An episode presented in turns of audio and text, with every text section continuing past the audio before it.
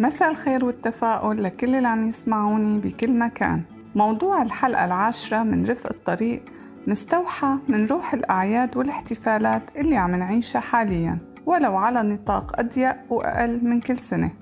حلقة اليوم عن العيد والاحتفالات اللي بتحمل معها حميمية وبهجة من نوع خاص صور وذكريات ملونة من طفولتنا وأعيادنا فيها.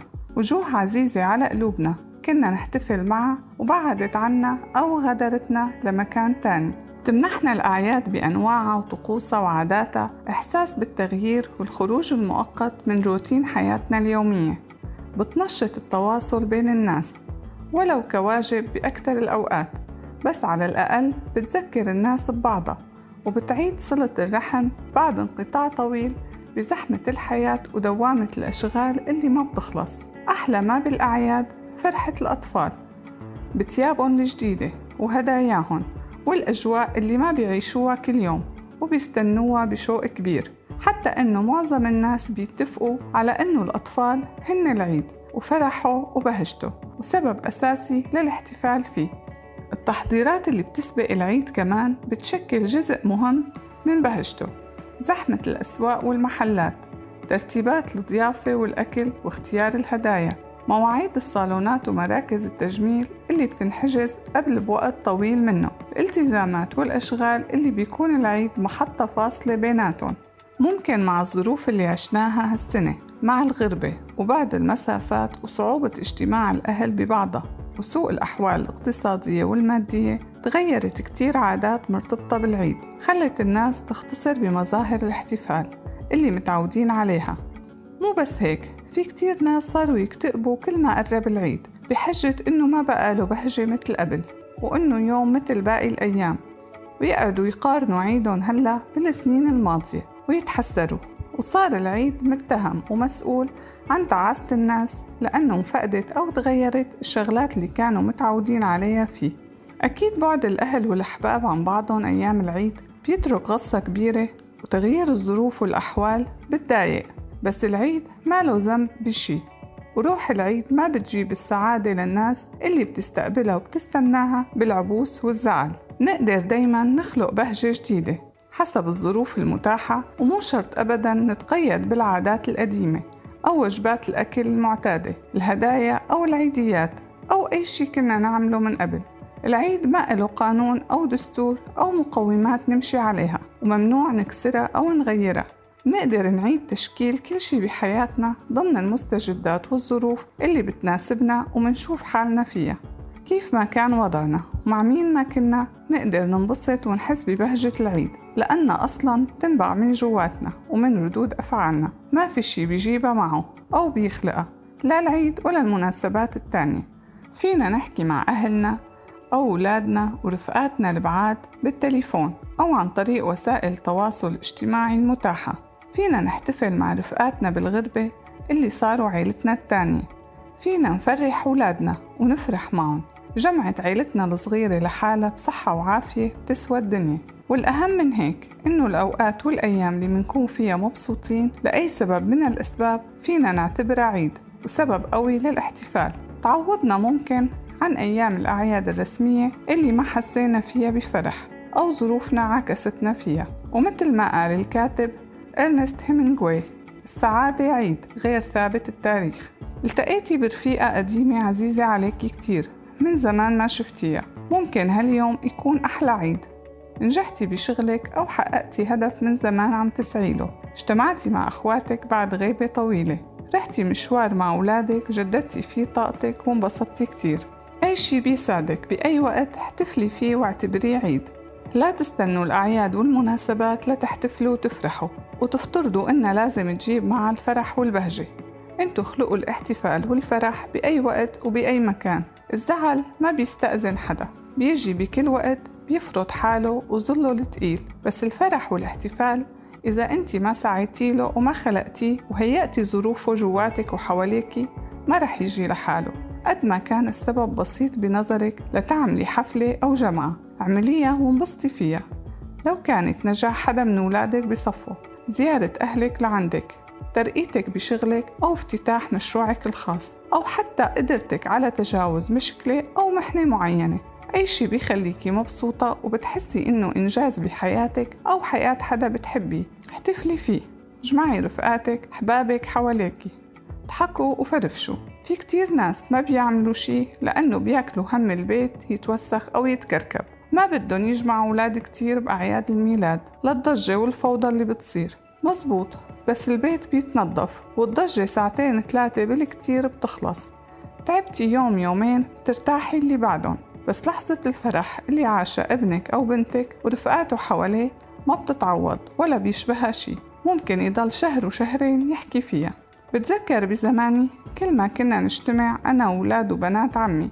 نشغل المسجلة ونرقص نحتفل بدون أي مناسبة. كنا نحتفل بجمعتنا سوا وبعد ما مرقت السنين وتفرقنا اكتشفت إنه فعلا جمعتنا لحالها كانت أهم سبب للاحتفال.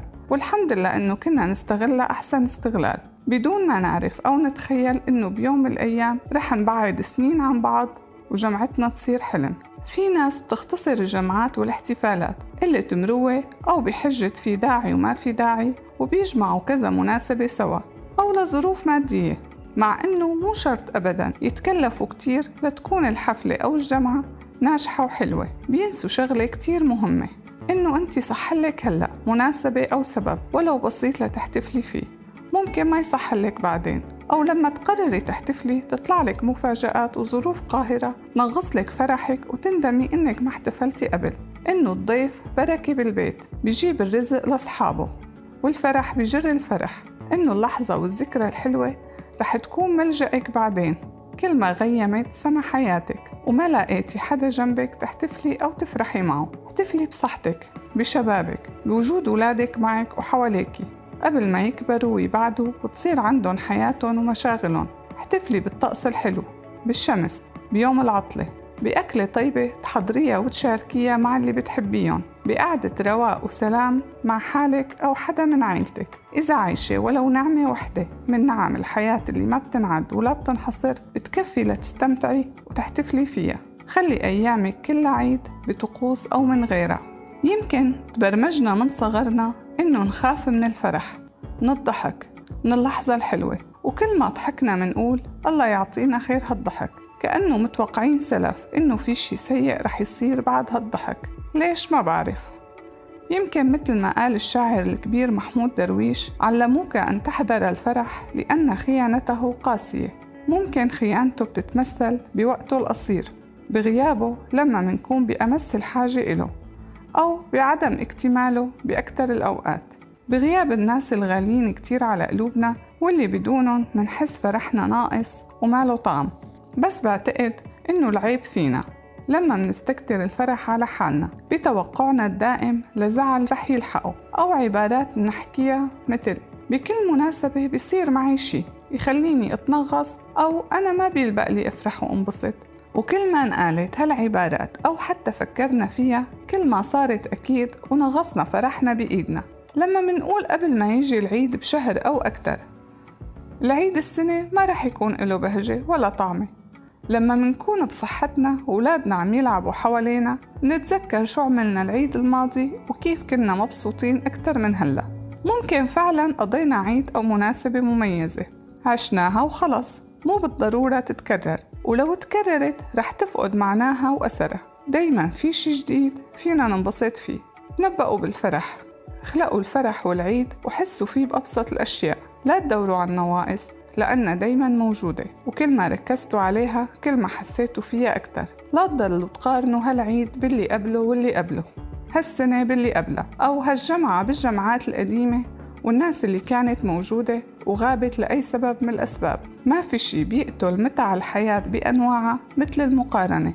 اللي مجرد ما نتخلص منها كل شي بحياتنا رح ياخد معنا روح جديدة ورح نحس بقيمة كل لحظة وكل شي متوفر بين إيدينا فيها. ما تربطوا فرحكم وأعيادكم بطقوس معينة أو أنواع أكل أو لبس أو ضيافة معينة بأماكن معينة أو وجود أشخاص معينين معكم. خلوا خياراتكم مفتوحة والمرونة والتأقلم طريقة تعاملكم مع كل شي بحياتكم.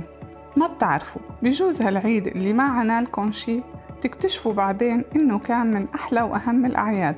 بإيدكن وباختياركن بتحسوا بالبهجة والمعنى لكل أحداث ومناسبات حياتكن بطريقة تفكيركن بكلامكن فيكن تغيروا مشاعركن وظروفكن كمان. شي طبيعي تتغير الظروف والأحوال وعلى الأغلب ما فيكن تتحكموا فيها بس فيكن تتحكموا دايما بردود أفعالكم تجاهها ونظرتكم إلها. بعرف إنه هالشي تطبيقه صعب بكتير أوقات بس مانو مستحيل. كل شي ببلش من قرار واختيار وإصرار على السعادة مهما كانت الظروف لأنه كلنا منستحقها ولأنه عن جد كل شي رح يمرق ورح يبقى لنا منه الذكرى وابتسامة رضا أو تنهيدة حسرة والخيار دايما بيرجع لنا.